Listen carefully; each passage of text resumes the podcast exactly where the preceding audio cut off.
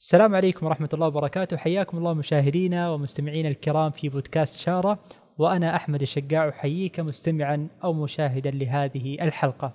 سعدنا اليوم في بودكاست شارة أن يكون معنا الأستاذ رافع الغامدي وهو الخبير في الاستثمار والتطوير العقاري وكذلك الرئيس التنفيذي لشركة رافع للتطوير العقاري. هذه الحلقة هي خصيصا لكل شاب آه، حاب اليوم أنه يخوض تجربة المجال العقاري. وكما لا يخفى أنه اليوم صارت هي فرصة عند كثير من الشباب أنهم يجربوا هذا المجال سواء في التطوير العقاري أو التسويق العقاري أو حتى الاستثمار العقاري. الموضوع فيه تحديات كثيرة. آه فيه تفاصيل عميقة جدا وكان الأستاذ رافع من خيرة الشباب اللي يستطيع أن يجاوب على هذه التساؤلات ويرسم خريطة واضحة لكل شاب. سيبدأ بإذن الله في مجال التطوير العقاري. كذلك تحدثنا عن رؤية السعودية 2030 الحلول التي قدمتها والفرص النوعية التي مكنت الشباب والشركات أن تكون رائدة في هذا المجال. بودكاست شارة حوارات شابة مليئة بالحياة والإلهام. نسعد بك متابعا ومشاركا لهذه الحلقات وأيضا نسعد بملاحظاتك واقتراحاتك على حلقات بودكاست شارح حتى نجودها ونحسنها ونطورها ويهمنا كذلك أن تشارك هذه الحلقات لمن تجد أنه مهتما بهذا الموضوع. وحتى لا أنسى تأتيكم هذه الحلقة برعاية مجموعة بناء. أتمنى لكم متابعة ممتعة. حياك الله مهندس رافع. الله يبقيك ويحفظك يا حبيبي. سعداء بك في بودكاست شارع أنا أسعد الله يحفظك. آه عندك تحفظ على المهندس رافع؟ ما عندي تحفظ على المهندس رافع. أنا آه لقبت المهندس وأنا ما كملت هندسة. أوه. أي نعم. كنت أدرس الهندسة وأشتغل في نفس الوقت فما قدرت أكمل الهندسة. عشان كذا إحنا يمكن نسأل في البداية كيف يحب المهندس أو الأستاذ رافع إنه يعرف نفسه؟ آه وش يعني لك اقتران اسمك اليوم بالمجال العقاري؟ ونحن نشهد هذا التحول الجديد في المجال واللي استقطب فيه كثير من الشباب. والله أنا أول شيء رافع بن إبراهيم بن رافع الغامدي. آه آه ما بقول رائد أعمال ولكن مهتم بمجال الأعمال وبالتحديد في قطاع العقار بشكل عام. أخذتها أبا عن جد يعني والدي مطور عقاري وجدي الله يرحمه آه، من كبار المقاولين منذ أكثر من 40 سنة. فماخذ الشغف منهم. اليوم أنا خليني أقول عمري كله تقريبا بين البلوك والحديد يعني. فأنا عقاري منذ الصغر ثمانية سنوات تقريبا مستقل في قطاع التطوير العقاري الحمد لله في في جدة وغيرها. ما عندي إضافة أقدر أقولها يعني غير أتوقع إنه اليوم الحديث عن العقار آه يمكن آه صار رائج عند كثير من الشباب. صارت واحدة من الحلول آه الوظيفية والمهنية عند كثير من الشباب. أتوقع إنه في تساؤلات واستفسارات وبرضه في تحديات. الحلقة هذه إن شاء الله حتكون ثرية انه نستعرضها لكن خليني أبدأ معك بتغريده لك. كانت في 12 يوليو 2021 غردت وقلت مساءكم تطوير عقاري. سعدت في بداية مساء هذا اليوم أنا وشركاء النجاح بزيارة والدي الدكتور إبراهيم بن رافع الغامدي. وسررت برؤية أو برؤية جديدة في المشاريع في تمليك الغامدي. والدي هو ملهمي الأول في المجال العقاري ومن مدرسته. نهلت هذه الخبرة. قبل ما نبدأ مع رافع نروح للمربع الأول. الدكتور إبراهيم اسم له حضور في في هذا المجال. آه واليوم يمكن ما في أحد في جدة إلا ولفت يعني نظره تمليك الغامدي والجهود المبذولة في هذا القطاع. فخلينا نعرف السيرة من البداية. الدكتور إبراهيم وعلاقته كيف بدأ في هذا المجال وما الذي اختلف اليوم في العقار؟ طيب الوالد آه، الله يحفظه ونمسي عليه بالخير. آه الوالد خليني أذكر لك آه موقف في سنة أولى ابتدائي. كان الوالد بدأ أول مشروع له. الكلام هذا 1422 كان الوالد بدأ أول مشروع له في أبها. فكان هو رايح الصباح وكان معلم. فكان هو رايح الصباح ياخذني معاه المدرسة ونروح المشروع. وهو راجع المساء من من المدرسة ياخذني برضه معاه في السيارة وبرضه يعدي على المشروع. فحصل يوم نزلت معاه المشروع ودخلت الوالد مع العجله تأخر على الدوام ركب السيارة راح المدرسة وإيش؟ ونسيني في المشروع حسبني نايم في ال في ال في, ال السيارة. في السيارة في الخلف. آه، من ذاك الوقت وأنا مع الوالد في المشاريع. حتى كانت الإجازة وقتها آه، خميس وجمعة. مم. كان الخميس هذا عندنا يوم دوام رسمي. إحنا في, في المشاريع مع الوالد ما يعني ما نعطيه فرصة. فالله يحفظه ربانا على العمل آه، في الاجازات الصيفية إحنا نازلين معاه في الميدان. آه، يعني آه، واحد من من ال- المقاولين كان مرة يقول للوالد كان الوالد يحطني في العمارة الصباح ويقول لي خليك هنا حارس للمشروع ويمشي. فواحد من المقاولين قال للوالد قال يا أخي خذ ولدك ذا أشغلنا. الخيط لما يحط الخيط ال- ال- المبلط آه، مع الممارسة تعرف من مشروع لمشروع صرت اعرف الخيط لما يحط اول واخر أقول هناك في خطأ. وأنا لسه عمري صغير يعني 10 سنوات 12 سنة. هنا في خطأ. فأشغلت المقاولين. لين صاروا يبغون إيش؟ يبغون تمشي مع أبوك. لين انفك مني إيه. والحمد لله يعني كان له الأثر الكبير إنه حببنا في هذا المجال. وأنا صغير أيضا كنت أنا بطبعي يعني مفضل العمل عن التعليم. طبع شخصيتي افضل العمل عن التعليم. فكنت دائما في المساء أفضل أن أكون في المكتب مع الوالد. آه، حتى كان في الأيام اللي هو ما يكون موجود فيه لأي عمل خارجي أنا موجود أغطي عنه في المكتب. هذا خلاني أذكر لك موقف قبل التصوير أن أنا أول بيعة بعتها. أنا بعت أول بيعة وأنا عمري وأنا عمري ثمانية سنوات أنا سنه ثانية ابتدائي. وكان السبب فيها أن الوالد ما كان موجود وجاء عميل. وقتها ما في جوالات توها جديدة. يعني الجوال كان ما هو ما هو ما عندي جوال. فابوي اتصل على تليفون المكتب رديت. قال لي تعرف المشروع اللي رحناه اللي فيه المقاول الفلاني؟ أيوه. تعرف توصل له؟ قلت له أيوه. قال لي ودي الرجال هناك وريه هو تعال طيب وديت وهذا انت ثاني ابتدائي. وأنا ثاني ابتدائي. وصلت العميل الله. وجيت واشترى لي جزاه الله خير هدية وقتها. هذه عشان انت شاركت في البيعه وتذكر البيعه إلى الآن. أي طبعا أذكر البيعه لأنه وقتها كانت في جدة هذا ولا كان في في جدة؟ نعم في حي النسيم في جدة. افتكرها الآن. وقتها أنا يعني حتى الهدية اللي الوالد جابها لي كاميرا تصوير. آه، عشان تصور فيها ال- ابثرت العالم. أنا فعليا أبثرت العالم كنت أصور كل شيء. يعني كان عندي الحب للشيء هذا ونمى الوالد بأنه بعدين جاب لي كمبيوتر عشان أنزل فيه الصور عشان أسوي لها مونتاج وفوتوشوب وأشياء زي كذا. كلها كنت أسوق له لل- للعقار حقه يعني. ما شاء الله تبارك كنت شغوف فعلا بالشغلة هذه الحمد لله. آه، حتى وصلت آه، إلى بعد المرحلة الثانوية. كنت في المرحلة الثانوية الأخيرة بديت آه، أستقل لحالي شوية. يعني أنا زي ما قلت لك والد علمنا إنه إحنا نعتمد على نفسنا. فعندي كانت عزة النفس انه مستحيل أقول للوالد هات فلوس. تماما. فاستقلت في المرحلة الثانوية فتحت آه، مشا- مشاركة مع شخصين آه، مكتب عقار. بعد كذا فتحنا مكتب ثاني باسم الوالد لأنه كان وقت الوالد قفل بعد يعني في السنوات الأخيرة من الدراسة عندي كان الوالد أغلق المكتب عنده أغلق الشركة تماما. فتحت رجعت فتحت تمليك الغامدي من جديد. رجعت اسم الوالد. والحمد لله سويت آه، أذكر في سنة ثلاثة فروع مع الشركاء ثم استقليت عنهم من جديد. وفتحت لحالي آه، قبل ثمانية سنوات في مجال التطوير العقاري إضافة إلى التسويق وقتها. ما شاء الله تبارك الله. طيب كذا خليني أسأل سؤال. أقول لو رافع لم يكن في مجال العقار إيش المجالات الثانية اللي ممكن رافع سيكون فيها؟ والله أنا أحب التسويق بشكل عام. أحب التسويق بشكل عام يعني الحمد لله أنا آه، شاطر في الأفكار التسويقية فكنت ممكن أدخل في مجال التسويق. أنا دخلت هندسة رغبة مني يعني الوالد ترى كان مصر علي يدخلني في آه، سياحة وفندقه عشان أمسك الفنادق تبعه. ودخلت أول ترم وبعدين غيرتها بدون ما أقول له هذا الجامعة. أي دخلت كملت دخلت على الهندسة بدون ما أقول له قلت له قلت له أبوي ترى دخلت هندسة واخذت نسبة 4.75 بعد ما خلصت الترم الأول. فكان مبهور إنه لا مهندس وطلعت النسبة العالية هذه. وأصر علي وقتها ان أنا أكمل دراسة بس كنت متزوج أول وموظف وعندي مكتب الخاص حق العقار. فكان صعب إني أوافق بينهم مع الهندسة. الهندسه تعرف مشروع كل يوم عندك مشروع لازم نعم. تشتغل عليه. فكان صعب إني أوافق أكمل الهندسة فما قدرت أكملها بعد تفرغي للتطوير العقاري بس أنا أتوقع لو ما كنت مهندس كنت حكون في مجال التسويق. وهذا الشيء اللي فرق معاك الآن في مشروع العقار؟ جدا. العقار هو عبارة عن فكرة. إذا ما عرفت تسوق لها بالشكل المطلوب وتقنع الشخص اللي قدامك ما حتقدر آه، تطور وتنافس آه، المطورين الثانيين. آه خلينا نرجع كذا لعقلية الشاب اليوم اللي جالس يشوف هذا العالم وحاب إنه يكون هو جزء من هذه النجاحات. الإقبال الكثير هذا بعض الأحيان قد لا يكون هناك إقبال واعي.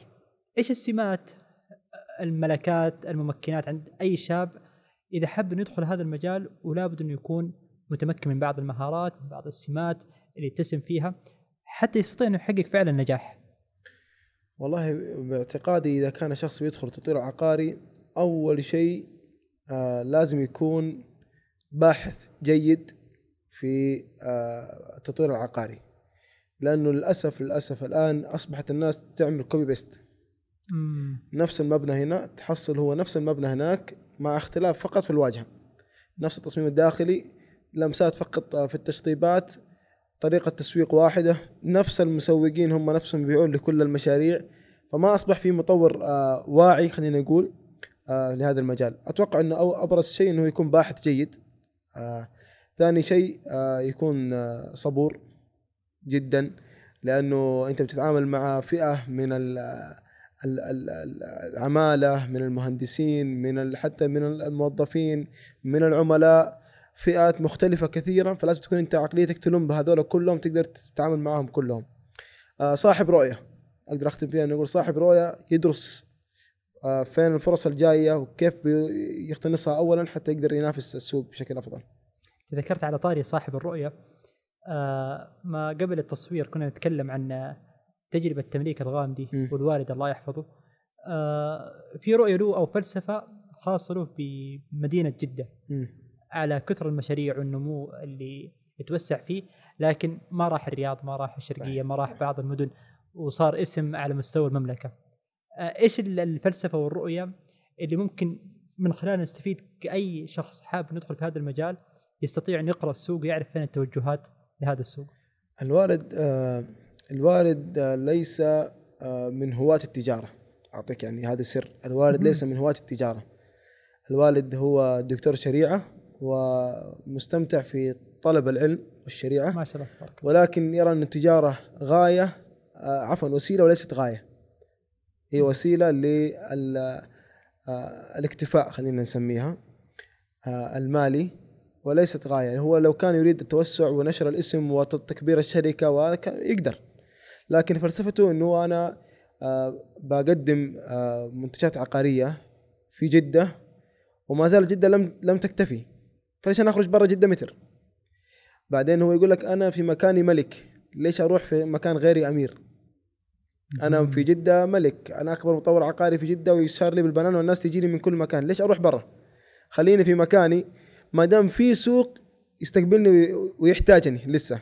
عظيم. فهو آه هذه فلسفته بشكل عام إنه هو يرى إنه هو يظل في مكانه ملك أفضل من يتوسع ولو كان زي ما قلت لك يبغى آه، التوسع وتكبير الشركة كان يقدر يستطيع لكن آه، ليس هدفه التجارة بشكل عام. والدليل الآن هو ترى أغلق الوالد. نعم. الوالد الآن أغلق المره الثانية بهدف إنه هو يتفرغ لطلب العلم الشرعي. ما شاء الله تبارك الله. الله يبارك يا رب. طيب آه خلينا نرجع كذا معك للماضي. يعني يمكن زمان كنا بنعرف إنه في مكاتب عقارية صغيرة مساحاتها يعني محدودة وفيها عامل أو موظف وهذه السالفة كلها وانتهت اليوم صارت في نماذج عمل كثيرة.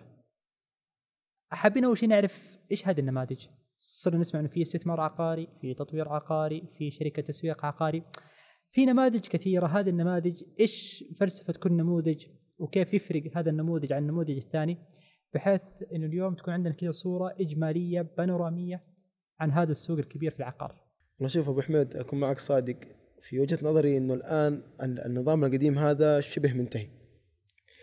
حتى الوالد أذكر قال اللي هو كلمة إيش النظام القديم؟ اللي هو كل اثنين جمعوا كرسيين وطاوله فتحوا مكتب عقار الوالد أذكر كلمة قالها قال آه أنتم الآن عندكم استطاعة تواكبوا التغييرات الكبيرة الشيبان وكان يقصد بعض المطورين الشيبان ما حيقدروا يلحقوكم ففرصتكم انطلقوا. يتكلم على الشباب ما كان يتكلم معنا إحنا فقط. يتكلم على الشباب فرصتكم انطلقوا. أذكر لما بديت أنا آه وحيدا كانت في غرفة حارس. ثلاثة في ثلاثة. كانت اللوحة الوالد الله يذكره بالخير كانت في في عمارة تبع الوالد في الواحة أيضا. آه الوالد يذكر بالخير قال لي خليها بالعرض بدل ما هي كذا بالطول العمارة خليها بالعرض لأنه مترين في مترين كلها. فلو خليتها كذا ما حد بيشوفها. عرضها وأبدأ أشتغل في غرفة الحارس. وقتها كان مشروع ناجح لأن أنت تتكلم عن مكتب عقار في حي فيه كثير مشاريع وأنت تملك خبرات عقارية فحتنجح اليوم لو سويت مكتب صغير ما حد بيطالع فيك لو سويت مكتب كبير ما حد بيطالع فيك. ليش؟ لأنه أنت إيش خدمتك؟ إيش الخدمة اللي حتخلي العميل يجيك للمكتب؟ هنا لازم الناس تفهم إنه ثقافة العميل اختلفت. أول كان العميل يركب سيارته هو وحرمته ولا هو صاحبه يروح يفرفر يدور على العقارات. الآن كله في السوشيال ميديا. صح. الآن يحدد معاك موعد من اليوم اللي قبلها عشان يقابلك في المشروع الفلاني. هو محدد مع عشرة غيرك في نفس الوقت هذا إنه يشوف المشاريع في نفس الحي. فلا تتوقع إن العميل اللي جاك هو ملكك زي أول. أول دخل العميل يقول لك تضيع البيع بس ما يضيع العميل. ما يمشي. الآن ما عاد في هذا الكلام. ففي وجهة نظري ال- الاختلاف عن عن الفترة السابقة إنه ثقافة العميل اختلفت وأيضا الاشتراطات الحكومية اختلفت. انت اليوم حتفتح مكتب هو مكتب إيش؟ مكتب عقار؟ ولا مكتب تطوير عقاري؟ ولا مكتب مقاولات؟ ولا مكتب إدارة أملاك؟ هو إيش؟ إيش نوع المنتج اللي حتقدمه؟ آه زمان كان يكتب لك شركة فلان فلان المقاولات هي تشتغل كل شيء. صح. تبغى أرض تجيب لك تبغى عمارة تجيب لك تبغى شقة إيجار تجيب لك تبغى تمليك موجود تبغى تبني تبني لك آه، تبغى تبيع أثاث تبيع لك كل شيء. اليوم ما في اليوم إيش حسب منتجك أنت تاخذ تصريحك عليه وتقدم خدمات محددة داخله. آه، أنا جميل جدا ملفتني آه، آه، خلينا نسميها طبعا الأنظمة الحكومية حاليا والحوكمة الحوكمة اللي قاعدة تصير بشكل مدروس في ضبط الأنظمة حقيقه. ما في عمل تقوم فيه إلا له تصريح وشهادة معينة له ترخيص معتمد له نظام دقيق يضمن لك ويضمن للطرف الثاني حقوقه. هذا شيء رائع. هذا لو من زمان كان اكتفانا شر كثير. أذكر والد كان عنده مجلس آه، مجلس فض نزاعات آه، وساط والله العظيم كان عنده مجلس فض نزاعات كل أسبوع يوم ال- الجمعة يفتح المكتب بعد العصر فقط المختلفين في العقار يجون يجتمعون عنده يحكم له هذا له كم وهذا له كم لأنه ما كان في نظام. ما كان في نظام. فيرجعوا للشخص اللي يشوفون إنه هو يقدر يحكم بشكل آه، موثوق. الآن لا في نظام. وفي آه، التزامات انت حتقوم فيها انت حتقدم خدمتك انت مين؟ عندك إيش؟ يعني سبحان الله كنت أقول كلمة وحصلت. كنت أقول الآن أنت لما تاخذ ترخيص وافي يشترط عليك تاخذ دورة وشهادة آه عشان تاخذ ترخيص وافي. كنت أقول ليش ما يخلوا كل المطورين ياخذوا الدورة؟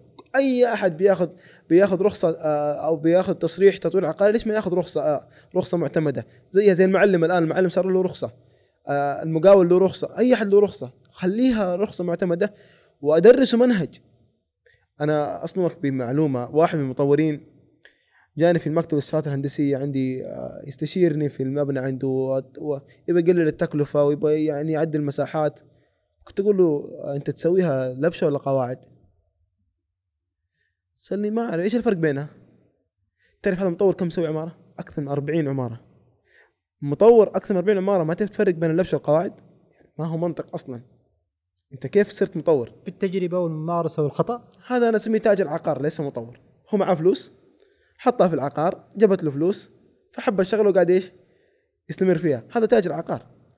مثل مثل الشخص اللي يجي عندك هنا يشوف والله أنت سويت شغل كويس يروح يسوي زيه. أنا أعرف واحد من المطورين اللي سوى مباني وواجهاتها ممتازة راح لجهات مختصة يبغى يثبت الواجهات دي باسمه. يبغاها ماركة مسجلة لأنه كلهم شافوا صاروا يقلدوه. انت متخيل copy paste تلاقي نفس عمارتك عمارة اللي جنبك فرق بينك وبينها في السعر خمسين ألف وانت مكلف جودة وهذا مسوي مقلد. جودة رديئة يعني فعلا صار شيء آه، متعب. فالأنظمة الجديدة الآن صارت مريحة جدا في فصلها. طيب حنرجع بس كذا للجزئية الثانية. لما ذكرت مطور عقاري هذا المطور العقاري إيش هي مهام عمله؟ إيش نموذج عمله اللي حيبدأ فيه كمكتب مطور عقاري؟ ويختلف عن المسوق أو شركة ثانية اسمها شركة الاستثمار العقاري. تمام. المطور العقاري يبدأ موضوع من دراسة فكرة التطوير. هذا الشخص هو يبحث عن آه، سواء كانت عنده فكرة معينة لمنتج بيقدمه فيبدأ يبحث عن فين ممكن ينزله الموقع الفئة المستهدفة هذه كلها. أو يكون عنده فرصة عقارية متاحة قدامه يبدأ يدرس يدرس مين الفئة المناسبة لها إيش المنتج المناسب له آه، أيا كانت. لكن هو تبدأ يبدأ عمله من دراسة الفكرة. الفكرة. بعد كذا تدخل في حيز التنفيذ. من متابعة آه، هندسية سواء إذا كان عنده آه، شركاء في آه، ضمان حقوق الشركاء من تعاقدات من إلى آخره. بعد كده يدخل في التشييد إذا كان عنده بيتابع إذا كان عنده شركة مقاولات تبعه أو فريق مقاولات أو شركة خارجية آه، للتشييد والبناء. بعد كده للتسويق إذا كان عنده خارجي يتابع مراحل التسويق والإفراغات ومتابعاتها. بعد كده لتصفيات الشركة إذا كان معاه شركاء تصفياتهم. وبعد كده لاتحاد الملاك أو خدمات ما بعد البيع وتشغيل وصيانه إذا كان مشروع كبير آه، بعد انتهاء فكرة المشروع نفسه. هنا مرحلة آه، أو عمل التطوير الم- المطور العقاري، كيف يكون مطور عقاري ناجح؟ مطور عقاري ناجح هو اللي يقدر يسوي عدة نماذج في نفس الوقت ويستمر في في نجاحه، مش مشروع واحد ينجح فيه ويقدر إيش؟ يوقف. هنا هذا خلينا نسميه معيار معيار ال- المقياس أو مقياس ال- الأداء للمطور العقاري إنه هو فين شغال وكيف. في يعني بعض هو ال- من اسمه مطور يوجد حلول دائما. بالضبط. في بعض المطورين آه، ما حذكر حي ولكن حذكر آه، حذكر آه، واحد من المطورين قال لي قال لي أنا ما أحتاج مسوقين يسوقوا لي. ليش؟ قال لي أنا قاعد أسوي في حي هو يبيع نفسه. هذا ما تعب نفسه ابدا. ما سوى فكرة ولا سوى شيء راح هناك أخذ الأفكار اللي موجودة في السوق سواها عنده في نفس المبنى حقه باع نفسه لأنه السعر كان رخيص فعليا. فهذا ما هو مطور عقاري هذا تاجر عقار. هنا هنا تجي الفكرة بين تاجر عقاري وبين مطور عقاري. والمستثمر العقاري هو الشخص اللي يجي يعطيك فلوس ما يبغى يوجع دماغه. آه، يدخل في شركة مساهمات يدخل في محافظ استثمارية يضع فلوس في العقار ويكون جالس في بيته وتجي عليه ريعها. هذا هو شركات الاستثمار العقاري هي من تدير هذه العملية. نعم. مهم. شركات استثمار عقاري وفي شركات تطوير عقاري مصرح لها تدير أيضا هذه العمليات. آه، يمكن واحدة من الأشياء اللي كانت دارجة عند ال- الناس إنه يدخل في العقار والعقار الابن البار يعني حيكسبك ولو بعد حين. صحيح. هل الفلسفه الفلسفة هذه ما زالت يعني صحيحة إلى حد ما؟ ولا تحولات السوق آه، تقول إنه صح الفلسفة لكن مو بهذه البساطة؟ مم. في أشياء كثيرة تغيرت فلا بد إنك تتغير معها وتتواكب معها. آه، صحيحة وما زالت وستظل صحيحة. اوه أي نعم. لأنه العقار آه، مهما جاء عليه فترة فتور آه، سيظل حاجة أساسية لحياة أي إنسان. أي إنسان هو يحتاج عقار يحتاج منزل يسكن فيه. فما يمديك تقول الأساسيات هي حاجة ممكن تنتهي زي زي الطعام زي زي الموية. ضرورة لابد منها ما فيها كلام. فسيظل هو الابن البار اللي تحفظ فيه فلوسك. آه خلينا أذكر لك مرتين حصل في فتور عقاري مثل المرحلة اللي إحنا نعيش فيها حاليا في أيضا في السوق آه، في أول 23 حاليا. في 2011 صار في آه، فتور في السوق وركد العقار سنتين. 2018 صار في فتور قوي جدا وركد العقار سنة ونص إلى سنتين. الآن أصبح في ركود أيضا وحيقعد له سنة سنة ونص حسب آه، التغيرات العالمية اللي قاعدة تصير. ولكن آه، اللي اشتروا من مني وقتها في 2017 في 2018 ما كانوا حيكسبوا. مع إنه هو اشترى تحت الإنشاء. لما جاي يبيع جاهز لقى إنه هو قاعد يبيع بنفس سعر شراءه تحت الإنشاء. لكن لما استنى السنة اللي بعدها أو سنة ونص كسب 100% على عكس اللي اشترى في سنة الفتور نفسها كسب السنة اللي بعدها 100% في نفس التوقيت اللي كان مخطط له. فأنا في وجهة نظري العقار مهما نزل يكون فيه فرص مربحة أكثر. مهما نزل في فرص مربحة أكثر. بس حجم المخاطر ممكن يواجهها المطور العقاري في مثل هذه الفترات من الركود. كيف يعني يقدر يتجاوزها الصغير الصغير إيه. غالبا ما يقدر إلا إذا كان صاحب يعني حكمة وإدارة قوية. غالبا ما يقدر. الآن أتك- نتكلم كنا نتكلم قبل التصوير أنا وأنت عن شارع فيه 40 مكتب عقار. آه هذا الشارع أنا أتوقع إنه خلال آه ثلاثة ست اشهر من الآن لا يبقى فيه ولا عشرة. فعليا. وبدأوا يقفلوا بدأت تعرض عليهم مكاتب للتقبيل بالكثير. وأرى أنها سنة تحالفات. مثلا الآن أنت بتقفل لا تقفل يا أخي خش مع خش مع زميلك خش مع صاحبك خش مع أخوك. قفلوا مكتبين ثلاثة اقعد في مكتب. لأنه آه، صغار المطورين لا يستطيعون مواجهة ال- ال- المشاكل السوقية. أنا مطور كبير أتكلم في مبيعات مئات ملايين. لو صار في عندي دروب في عندي من يسندني. في عقارات تسندني بيع بطيء ما عندي مشكلة أفكار بيع كثيرة تقدر تسندني المطور الصغير اللي ما عنده المبنى مبنيين أمله بعد الله كلها فيها ما حيقدر طيب إيش اللي دفع اليوم الشباب انه يفتحوا مثل ما ذكرنا شارع فيه 40 مكتب؟ إيش اللي خلى الهبة هذه تكون موجودة وما كانت مدروسة صح قبل البداية؟ هي ما كانت مدروسة. خلي يعني آه، الجواب إنه ما كانت مدروسة. آه لا بس أكيد إنه في حاجة حفزتهم إنهم يفتحوا المكاتب العقارية هذه. كم كافيه فتح وقفل يعني فتت ف- في في الكافيهات والمطاعم في ترند يطلع كل ثلاث سنوات طبيعي. آه فهذا شيء طبيعي اليوم. فشيء طبيعي مع فرصة آه، فرصة كان في هدد السوق في جدة مع قوة شرائية آه، في السوق already كانت موجودة. صارت هبة. كل من عنده مبلغ بسيط يفتح مكتب ب ألف. مهم. واحد واحد من الناس جاني سالني قال لي تسلفني 50000 قلت له بيع سيارتك. كانت هدفي إنه هو يحس بقيمة المبلغ اللي حيدفعه في المكتب فما يكون ما يعتبره دخل ثاني يعتبره دخل أساسي له عشان يقدر يست- يستمر فيه. ما باع سيارته ما اشتغل لأنه حس إنه الموضوع ها. لكن اول لكن غيره يروح يستلف 50000 هو موظف أصلا البنك يعطيه 50000 في نص ساعة. 50000 يفتح فيه مكتب عقاري نجح نجح ما نجح يقول لك أنا اسدها على على سنوات قدام في الشهر 1000 ريال ولا ولا 500 ريال ولا فارقة معي. فهي هبه الكل يشتغل فيها ولكن للأسف آه، مشكلتها أكبر من مشاكل المطاعم الكافيهات. إيش مشكلتها؟ لأن أنت تتكلم عن أرواح عندك. داخل السكن. لو ما أنت فاهم المنتج اللي أنت بتسويه بالشكل المطلوب راح تكون خطر عليهم. مش كذا قبل شوي أقول لك لازم يكون لها تصريح معين ما أي أحد يفتحها. لازم يكون لها دورات معينة ما أي أحد يدخل فيها. لأن أنت بتقدم منتج في النهاية في أرواح تقعد فيه 20 30 سنة قدام. لازم تراعي الله فيه وتعرف قيمة الشيء اللي أنت قاعد اللي أنت قاعد تسويه. بعض المطورين حاليا فعليا هو مو عارف يكمل ولا قادر يسحب في النص. ورطان يعني اللي عنده مبنى مو قادر يخرج ولا قادر هذا. آه لكن آه برضه نصيحتي لهم اصبر وكون شراكات طول بالك. الخير جاي العقار يسعى الجميع. يعني هو ما هو منتج آه منتج ضيق آه داخل الدائره الحمراء آه اللي اللي ياخذونه هم سبعة أنفار وخلاص. لا هو منتج سهل وتقدر تشتغل فيه على فئات كبيرة من المجتمع. لو شغلت عقلك حتلاقي فئات أو تلاقي آه فرص الناس ما ما التفتت لها. وفي جدة فرص كثيرة. يعني الناس قالوا لي أنت ليش رحت الرياض؟ رحت المدينة. في جدة فل قلت لهم جدة فيها فرص أهل جدة يفكروا فيها. عجيب. إي لكن أنت في مرحلة ما تحتاج الفرص هذه. يعني بعد سنة سنتين حتكون الفرص هذه نامية جدا. اللي حي اللي حيركز لها من الآن هو يستثمر فيها. بعد سنتين يكسب فيها جيد جدا. لكن اللي ما يعرف حيقول لك إيش يسوون هذول؟ زي زي تسلا لما طلعت سيارة بالكهرباء كيف نمشي فيها؟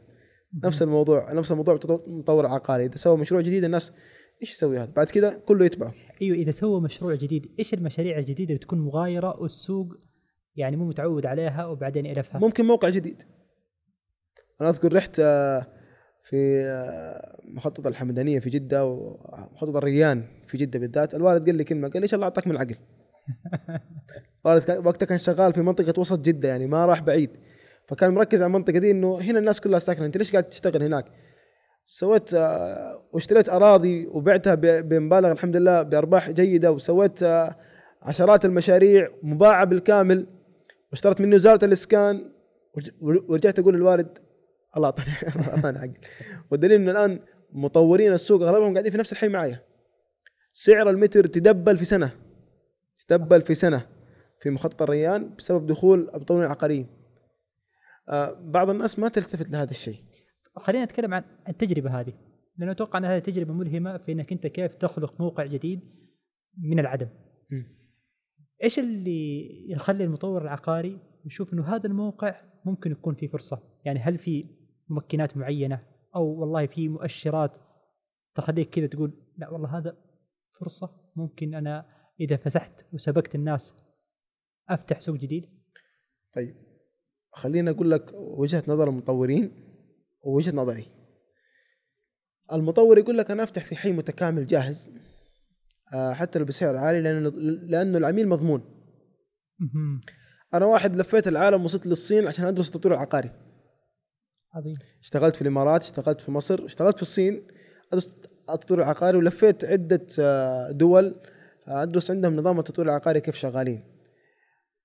خليني أقول لك أكثر الدول نماء في العقار ما عندهم مشاريع وسط المدينة. سكنهم ما هو وسط المدينة في الضواحي.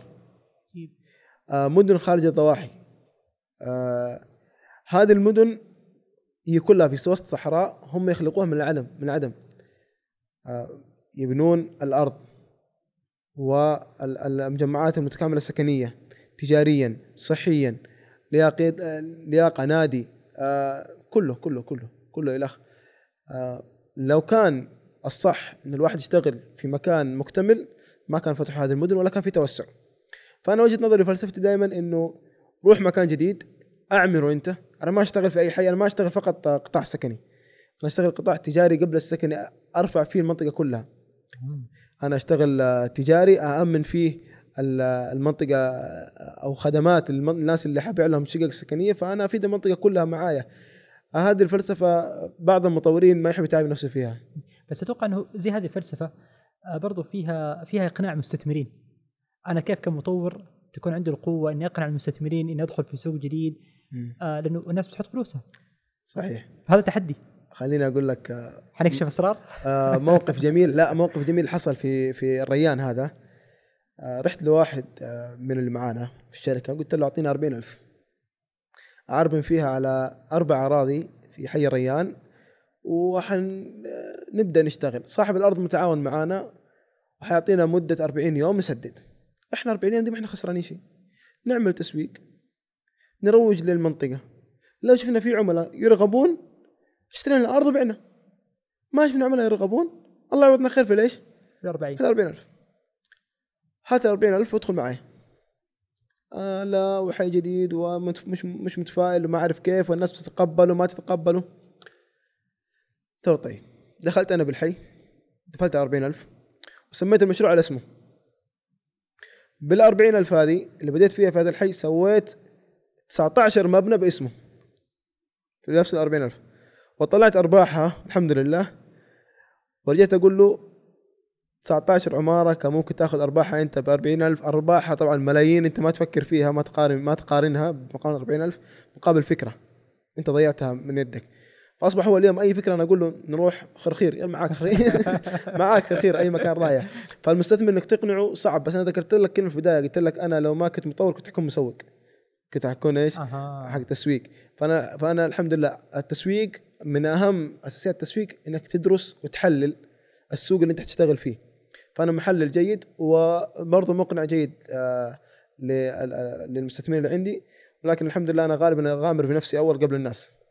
فإذا نجحت معي دخلت الناس معايا وبعض الفرص يعني اللي أضمن نجاحها أدخل الناس كذا من بدري. آه، ذكرت إنك تبدأ بالمشاريع التجارية قبل المشاريع السكنيه نعم, نعم. ليش؟ عشان أرفع القيمه السوقية للمنطقة. مو معقول أنا ح... أنا اللي أرضاه نفسي ارضى للغير. أنا سكنت في حي آه، سكنت في مشاريعي في حي سنتين كاملة. في عمارة بعتها كنت. بعدين آه، انتقلت لنفس الحي اللي هو كان حي تيسير. سكنت في في شقة في عمارة مده سنتين. بعدين انتقلت ل برضو مشروع جديد لي اللي سكن لي خاص أنا كنت مسويته ملحق. برضو سنتين في وسط مشاريعي. فأنا أرضى للناس اللي يرضى لي. أنا ما حرضى الناس أبيع لهم في حي جديد ما في ما في خدمات. من غير المنطق. كيف تقنع العميل؟ فأنا قبل ما أقنعه بالحي إنه سعره مناسب أقنعه إنه في خدمات متكاملة. أنا في النهاية حيجي يوم وأستفيد من نفس المنطقة هذه لخدمات أخرى. دخلت التيسير أنا سويت أول مبنى تجاري في التيسير. وإلى الآن تدخل التيسير تلاقي المبنى موجود.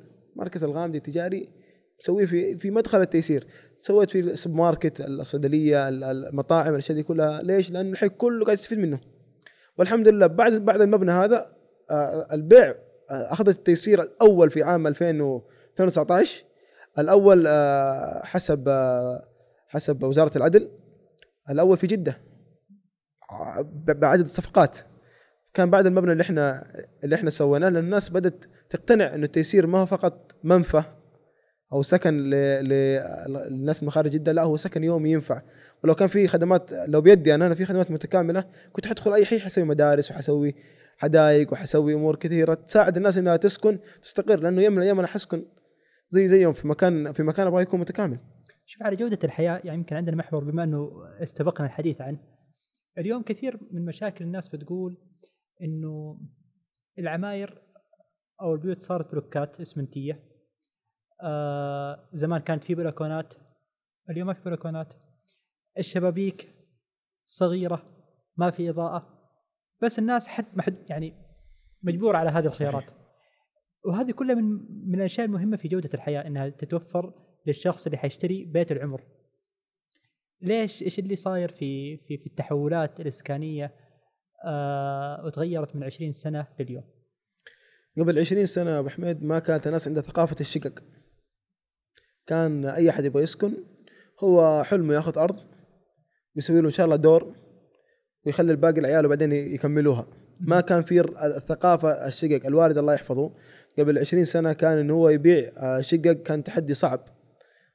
آه، اليوم الناس متقبلة الشقق ولكن آه، زي ما قلت أنت مجبورة على نوعية معينة من الوحدات السكنية. خلينا نتكلم بصراحة. مين صار يسوي مناسبات كبيرة في بيته؟ ما في. فعليا ما في. يعني أصبحت يعني في السنة مرة. أنا عندي مجلس في البيت يشيل 40 رجال ما اجتمعوا فيه إلا مرة واحدة. فعليا آه باقي الجماعات هي جماعات العائلية اللي تكفيهم الصالة المجلس الصغير اللي يكفي لل- لل- للأسرة. فأنا أصلا قناعتي اليوم صارت إنه لا تأخذ منتج كبير. منتجاتنا الأخيرة كلها صارت عبارة عن منتجات صغيرة. تناسب احتياج العميل احتياجه مش الزيادة تناسب احتياج العميل بأقل تكلفة. أنا ساكن الآن في الرياض. في شقة. ثلاث غرف. غرفتين منها ثلاثة في ثلاثة ونص. مبسوط. مرتاح. ما في مجلس. صالة وثلاثة غرف. ليش؟ لأنه أنا مين حيجيني في بيتي في الرياض؟ هي ثقافة. هي ثقافة. الآن شعب. طيب. كيف تعوض هذا الشيء؟ عشان تكمل جودة الحياة. أعتقد أنه الآن ال- المجمعات السكنية هي الخيار الأول والأمثل لأي مطور عقاري يبغى يسوي مشروع ناجح ولأي أحد بيسكن في في سكن. الجماعات السكنية؟ مجمعات سكنية إيش تقصد فيها؟ آه شيء في آه خدمات آه خدمات ثانوية متكاملة حديقة. آه مجلس عمومي يكون للسكان يقدروا يستفيدوا منه. هذا الشيء موجود الآن؟ آه مصلى. آه موجود. بقلة ولكن موجود. في بعض الأحياء موجود فيها بشكل آه كبير في نفس المباني بعض الأحياء لا. لأنه ثقافة الشخص اللي حيشتري هنا وما هو ما يرغب بالخدمات الأخرى لأن هي مكلفة. يرغب بس في بيته غرفتين نوم صالة مجلس رجال مجلس حريم كفاية عليه هذا الشيء. فكل منطقة لها لها نوعية عملاء مختلفة لها نوعية مشاريع مختلفة ما تنفع مع المنطقة الثانية. آه سويت خمس غرف مرة مساحتها 142 كانوا الناس يقولوا لي انت صاحي المشروع بالكامل ينباع في يومين. لأن الغرفة أربعة في أربعة وفي كل الخدمات اللي أنت تحتاجها. التصميم الهندسي هو اللي حكم. نفس التصميم حقي هذا أو مساحات الغرف الناس تسويها مساحة 200 طيع لك البيت كله في الأسياب. فأنت فعليا المطور فكرته كيف يلبي احتياج العميل بالشكل المطلوب بأقل تكلفة. بسط على الناس. وفر لهم خدماتهم. بسط على الناس. حتحصل على جودة حياة عند كل الناس. يعني أنا آه، أشكر برنامج جودة الحياة الآن القائم في ال- في الحكومة. فعليا قاعدين يتعبون يتعبون في إن هم يسوون شيء خلينا نسميه واو. ولو قدرنا نطبقه هو حيكون مكلف مكلف على المطور فبالتالي مكلف على المست- المستهلك النهائي.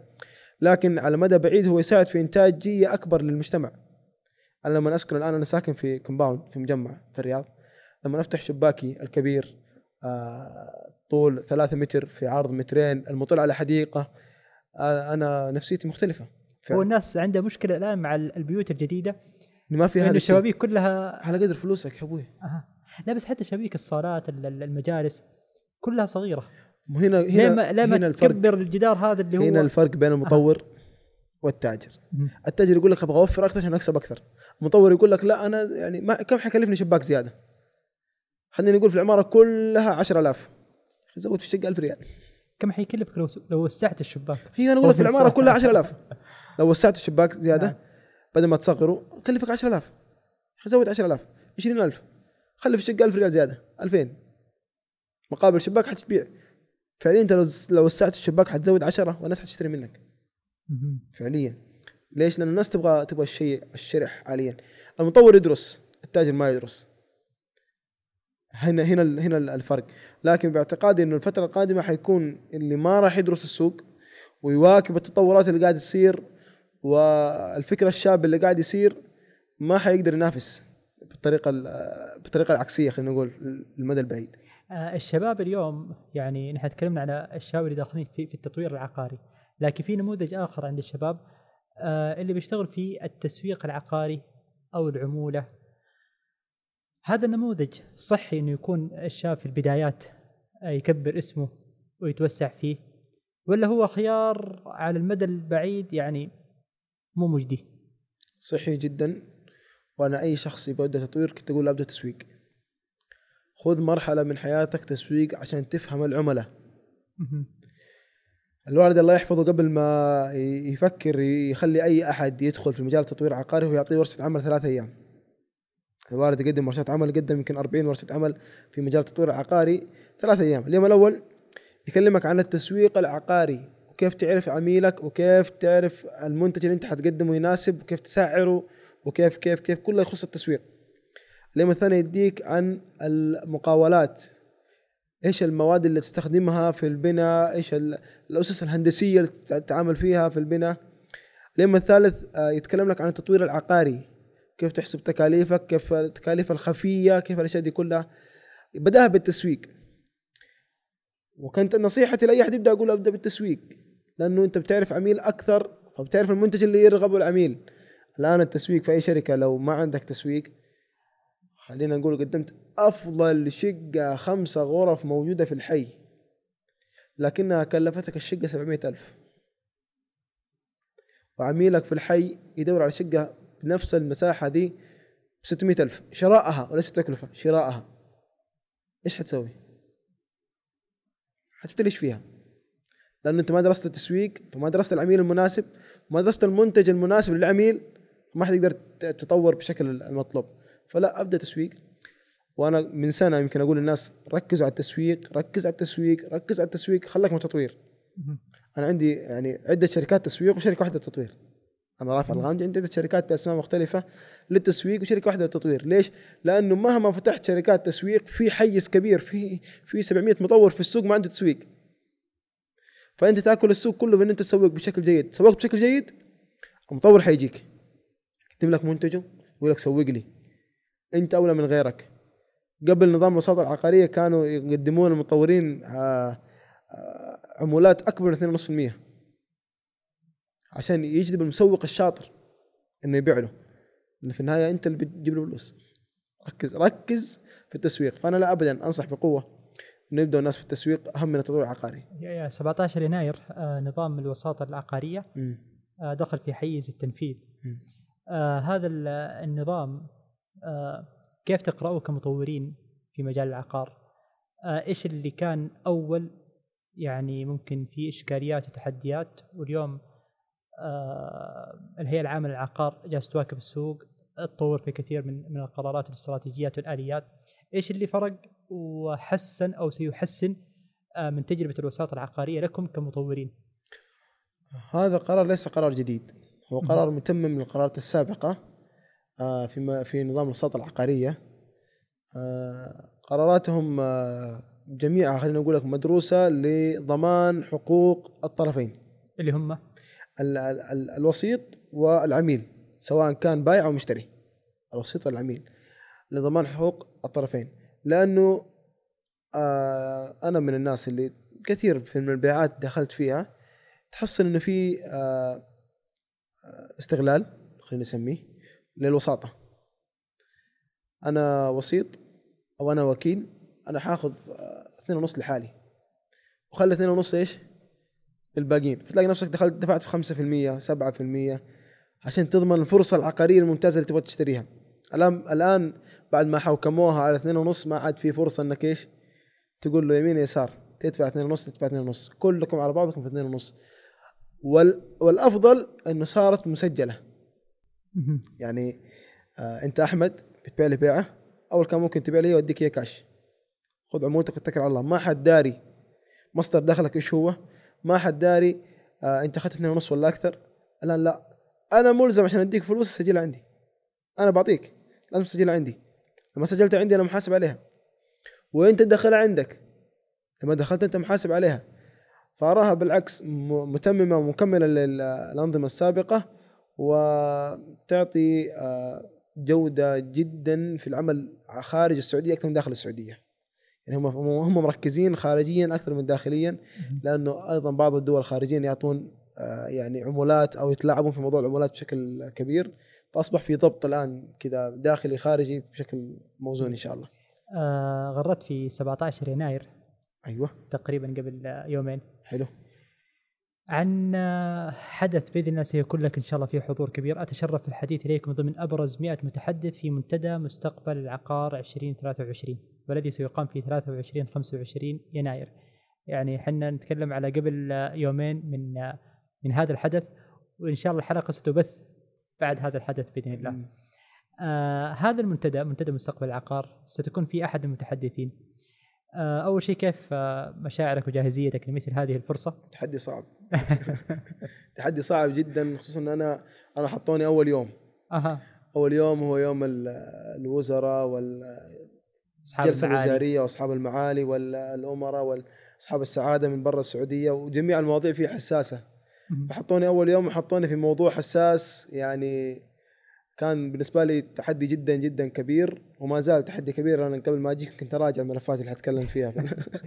قاعد أغش منها شوية اراجع لأنه آه، أنت داخل وسط عمالقة آه، بتتكلم عن مستقبل عقار باعتبارك آه، مطور عقاري وشاب خلينا الحكومة الآن مركز على هذه النقطة إنه أنت شاب عقاري يبنى عليك مستقبل العقار. فأنت داخل تحدي كبير لازم تعكس آه، رؤية المملكة لازم تتكلم عن فكر الشباب آه، في هذا المجال. والموضوع اللي اعطوني هو موضوع حوكمة القطاع الخاص في آه، ودخوله في التطوير العقاري. يعني موضوع صعب ما هو ما هو ما هو سهل. لكن إن شاء الله إنه بإذن قدها الله. بإذن الله ونطلع بأكمل وجه بإذن الله لكن تشوف إنه مثل هذا الاختيار اللي- وقع عليك هو تتويج لمسيرة بدأت من أول بيعه في ثاني ابتدائي. والله الحمد لله. يعني ما حقول هو هو تتويج هو بداية نعم. بإذن الله لمسيرة قادمة نامل فيها أن أساعد بإذن الله في مجال التطوير العقاري وأساعد في نهضة المجتمع أجمع بإذن الله. آه، في منتدى مستقبل العقار كان لك حضور في المنتدى الأول. واليوم هذا المنتدى الثاني. آه، كيف تشوف مثل هذه الفعاليات والمنتديات على سوق العقار على زيادة الوعي رفع الكفاءة عند الشباب في مثل هذا المجال؟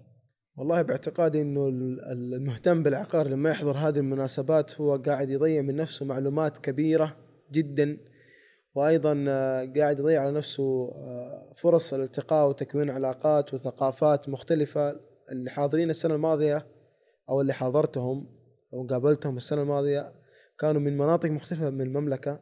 السنة هذه أنت تتكلم على 30 دولة. ما هو دولة 30 دولة بتتكلم عن مستقبل عقار في المنطقة في مكان واحد. ليش ما تحضر؟ ففرصة كبيرة جدا جدا جدا أتمنى من أي أحد يكون حضرها. طيب نحن في في حوارنا عن ال- التحولات اللي صارت في المجال العقاري مع تنظيم السوق العقاري اليوم. آه، السكن المشاع. آه، واحدة من الأشياء اللي آه، صارت تدور اليوم في كثير من القطاعات. نبغى نعرف فكرة السكن المشاع ماهيته وإيش طبيعة الإجراءات فيه وكمان إيش المكاسب اللي ممكن تعود على ذات الشخص اللي سيدخل في مثل هذا المجال؟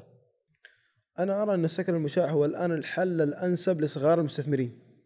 شخص ما يملك قيمة وحدة آه، سواء كانت شقة أو مبنى أو عمارة آه، فهو يدخل مع ثلاثة أربعة في نفس القيمة كأنهم يتشاركون شركة.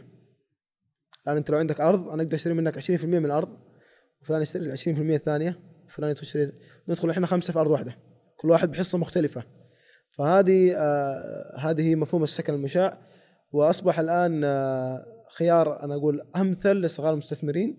أضمن حقك في شيء مشاع بصك رسمي بعقد آه نظامي رسمي ولا أدخل في حاجة آه كلنا باسم واحد. بالنظام القديم. أول كان يدخلوا أربعة خمسة وهي باسم واحد. كل واحد قاط معاه فلوس. لو لا قدر الله صار له شيء. يلا يلا دور على حقك على قولتهم. الآن هو أصبح حل كبير لصغار المستثمرين وحل أفضل. جميل. طيب خليني أختم معك من خلال هذه التجربة والسيرة الممتدة في مجال العقار ذكرت أنه كانت عندك زيارات لأكثر من من دولة وشفت كيف تجارب التطوير العقاري. اليوم في واقعنا هل في مواكبة لأبرز التحديثات في مجال التطوير العقاري عندنا؟ للأسف آه، ليس عند الكل. يعني أنا سعدت انه لما أنا آه، رجعت اشتغلت في السعودية سعدت إنه إنه في ناس آه، فاهم الشيء اللي صاير برا وقاعد تطبقه إيش اللي موجود برا مو موجود هنا؟ ثقافة المجمعات السكنية هذه كافية أنا عندي. أنا رافع أنا رافع الغامدي مقتنع إن أنا بدل ما أسكن في فيلا طول بعرض أنا أسكن في compound ولو فيلا صغيرة ولو شقة صغيرة ولو townhouse آه ثقافة ما هي عند الناس. الناس تاخذها مراحل. ما نقدر نقول للناس ليش لكن الناس تاخذها مراحل. قبل 20 سنة زي ما قلنا الناس ما كانت تتقبل الشقة السكنية. اليوم صارت تتقبل إنها تسكن في مبنى فيه 20 شقة سكنية. آه اليوم الناس بدأت تتقبل ال 20 شقة سكنية فبدأوا يتقبلوا compound في 200 وحدة سكنية مع حديقة صغيرة أو mini compound يسميه. آه بعد خمس سنوات يتقبلوا mini compound حيتقبلوا المجمعات السكنيه الكبيره اللي تدفع فيها سنويا مبلغ مقابل الصيانة والخدمات والأشياء هذه كلها آه في ثقافة شعب لسه شوي شوي لما لما توصل له. فالشاطر اللي ينقل هذه الثقافة بشكل احترافي ويقنع فيها المستفيد النهائي للمنتج. أنا معلش أيضا في المدينة أنا ساكن في كومباوند في المدينة آه، سعر الوحدات فيه عالية جدا جدا. والخدمات فيه بسيطة ولكنها متكاملة. آه، نسبة الإشغال فيه لا تتجاوز 50% تخيل compound تكلفته أنا أتوقع مش أقل من 500 مليون 50% فاضي. والسبب إنه ثقافة الناس تقول لك أنا أشتري برا ال compound بنص السعر. طيب خدمات؟ يقول لك ما أحتاج خدمات. أنا مرة احتاجها في العمر. أنا الله يحفظهم البنات عندي. الحوش أو الحديقة أهم من البيت. طب أنا أحط آخذ compound وأرميهم في الحديقة يلعبون يتمشون. أنا في compound ساكن فيه عندي كافيه أجلس فيه عندي حلاق عندي عندي حضانة عندي نادي عندي كل شيء. حتى لو حدفع عليها مبلغ زيادة ولا أسكن في شقة برا ما عندي خدمات متكاملة. لابد أن تكون ثقافة موجودة من الشعب في المرحلة القادمة وأتوقع أنه هذا توجه الحكومة خلال المرحلة القادمة. الكمباوندات والمجمعات السكنية. جميع الجهات الحكومية أو الشركات تبع صندوق الاستثمارات وغيره هي قاعدة تشتغل على هذا النظام. مشاريع الوزارة كلها في هذا النظام. إنه تعمل لك آه، وحدات صغيرة صحيح؟ وهل هل هذا في تأثير لاستقطاب آه، الأجانب؟ وهم عايشين في مثل هذه التجارب. بالضبط. أنا في آه، واحدة من المدن كانوا يقولوا لي آه، من الصعب إنك تتداخل مع أهلها. قبل خمس سنوات كان صعب هذا الكلام. اليوم آه، ثلث سكان أهلها هم من خارج أهلها وأصبحوا يرحبون باللي من خارج أهلها أكثر من إيش؟ من أهلها نفسهم. فاختلفت الثقافة طبيعة الناس اختلفت. أول كانت متعودة على نظام معين الحين لا تقبلت كل الأنظمة في العالم عندها في نفس من ضمنها السكن. من ضمنها السكن. من ضمنها السكن. زي لما تقول أنا بروح مثلا على قطر قطر كلهم لاند كروزر. كلهم يعني سيارات جيوب كلها آه، كبيرة. لأنه ثقافة شعبها كلها تمشي حقتهم في يطلع البر يكشت يسوي زي كذا. فتلاقيهم كلهم ماخذين هذا هذا ال style. على عكس لما تروح الإمارات دبي كلهم جيوب مرسيدس لامبرجيني سيارات ال sport الأشياء دي كلها. ثقافة شعبها هو وسط المدينة ما هو خارج ما هو خارج المدينة. فهنا يختلف الثقافات حسب طبيعة الشعب والمنطقة اللي هم ساكنين فيها. فكرة بيت العمر. أتوقع إن واحدة من الأفكار اللي فيها جدل كبير. صحيح. هل تشتري بيت العمر ولا لا تسكن في إيجار وتستثمر؟ أتوقع انه هذه واحدة من الأفكار اللي دائما تطرح بشكل كبير. وجهة نظرك بعيدا عن رافع اللي هو مطور عقاري يبغى يبيع عشان الناس تملك بيت العمر. إيش الحلول الأمثل ل صدق بالله انه في ناس كثير جو يشتروا قلت لهم لا تشتروا. عجيب. إي والله. كنت كان كنت أسأله سؤال ليش تبغى تسكن؟ وقتها ليش تبغى تسكن؟ كان بعض الناس تقول لي عشان أوفر إيجار. كم إيجارك؟ 24 كم عندك مبلغ؟ 200000 كنت كنت أنا من الناس اللي كنت أقول لهم عمرك صغير. يعني عمره 30 سنة وعنده 200000 وإيجاره 24 لسه عمرك صغير. ال 200000 هذه تسوي فيها أي مشروع إن شاء الله تشتري فيها استراحة. تأجرها دخل لك في السنة 50000 أحسن لك من إن أنت تدفع إيجار. دخل حط 25 في الإيجار ولا 24 وحط 25 في جيبك. أي مشروع أفضل لك من السكن هذا. فيختلف الجواب على حسب العميل اللي قدامك أو الشخص اللي قدامك. عمره يختلف وظيفته تختلف حالته المادية تختلف حالته الاجتماعية تختلف. يختلف الجواب تماما. يعني ما في إجابة واحدة. ما في إجابة واحدة ابدا. أنا بعض الناس أقول له أدفع للبنك زيادة وأسكن. تملك. لأنه أنت مثلا عمرك 40 45 سنة أنت ما عندك بيت ملك. متى حتأمن لعيالك بيت ملك؟ عندك الله يحفظهم خمسة أولاد وبنتين. يعني أنت تحتاج على الأقل غرفتين ثلاثة غرف نوم. ساكن في ثلاثة غرف إيجار عشان راتبك ما يكفي. لمتى؟ فهمتني؟ فحسب الشخص اللي قدامك تقدر تجاوبه جواب مختلف. بس هو هل يعني أحتاج إني أمن بيت ملك؟ طبيعي, طبيعي. لا مو لك لأبنائك. فاي سبب بس أمن اللي تحتاجه. أنا قبل سنتين كنت آه، متفاعل شوية في السناب فكنت أتكلم عن موضوع العقار والبيت والبناء والأشياء دي كلها. واحد من الناس جاني قال لي عندي 400000 أبغى أسوي بيت أبغى أسوي بدروم ومسبح وحديقة خارجية وفوق في السطوح بسوي نادي 400000 لو سويت بدروم خلصت. ليش بدروم؟ قال بسوي فيه صالة ألعاب لعيالي. وديوانية عشان يجمعون فيها. كم مرة بيتجمعوا في السنة؟ عيال أولاد عائلتكم كلها كم مرة بتجمعوا في السنة؟ لا تحلم كثير أدي احتياجك. على قدر احتياجك اليوم بيت العمر أنا وجهة نظري آه ما في مقولة اسمها بيت العمر دائمة. حتى الوالد الله يحفظه ما قد سكننا في بيت خمس سنوات سبع سنوات بالكثير. وننقل. مو عشان هو مطور عقاري عشان عنده ثقافة إنه كل جيد في أفضل منه. أنت اليوم ساكن في شقة احتياجك فيها ثلاثة غرف بعد خمس سنوات بيكبروا عيالك تحتاج لكل واحد غرفة نوم تضطر إنك تنقل لشيء أكبر. بعد خمس سنوات حيتزوجوا عيالك حتى ترجع صغير.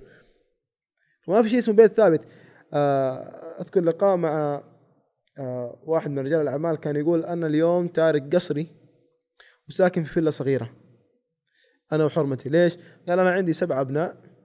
كلهم ما شاء الله كبار ومتزوجين مخلفين وأنا قاعد أنا وحرمتي. لما يجتمعوا عندي يجتمعوا عندي مرة واحدة في الأسبوع والبيت إيش؟ يشيل. فليش أنا أسكن في القصر كله؟ فأنا ثقافة بيت العمر دائما ليست عندي. أنا مقتنع إنها ثقافة بيت آمن أفضل من بيت عمر. خلينا نسميه بيت آمن لظروف الزمن أفضل من بيت عمر. أخيرا إيش الشيء اللي تحب تختم فيه؟ آه يا أبو لمى في هذا اللقاء اللي كان تجربة صراحة نوعية لنا في بودكاست شارع إنه نتكلم مع رائد أعمال ومهتم بمجال التطوير العقاري. الله يحفظك اولا آه، أحب أختم بشكركم على اختياري معاكم وعلى تشريف لي الله يحفظك آه، الشيء الثاني آه، أوجه رسالة عامة لكل شخص مهتم في العقار ساكن أو أو أو مطور أو مستثمر أو موظف فيه أقول له آه، ادرس جيدا خطواتك في السكن في ال- الاستثمار في العمل. ادرس جيدا خطواتك لتضمن نتيجة مرضية لك بإذن الله. شكرا لك يعطيك العافية. العفو الله يحفظك.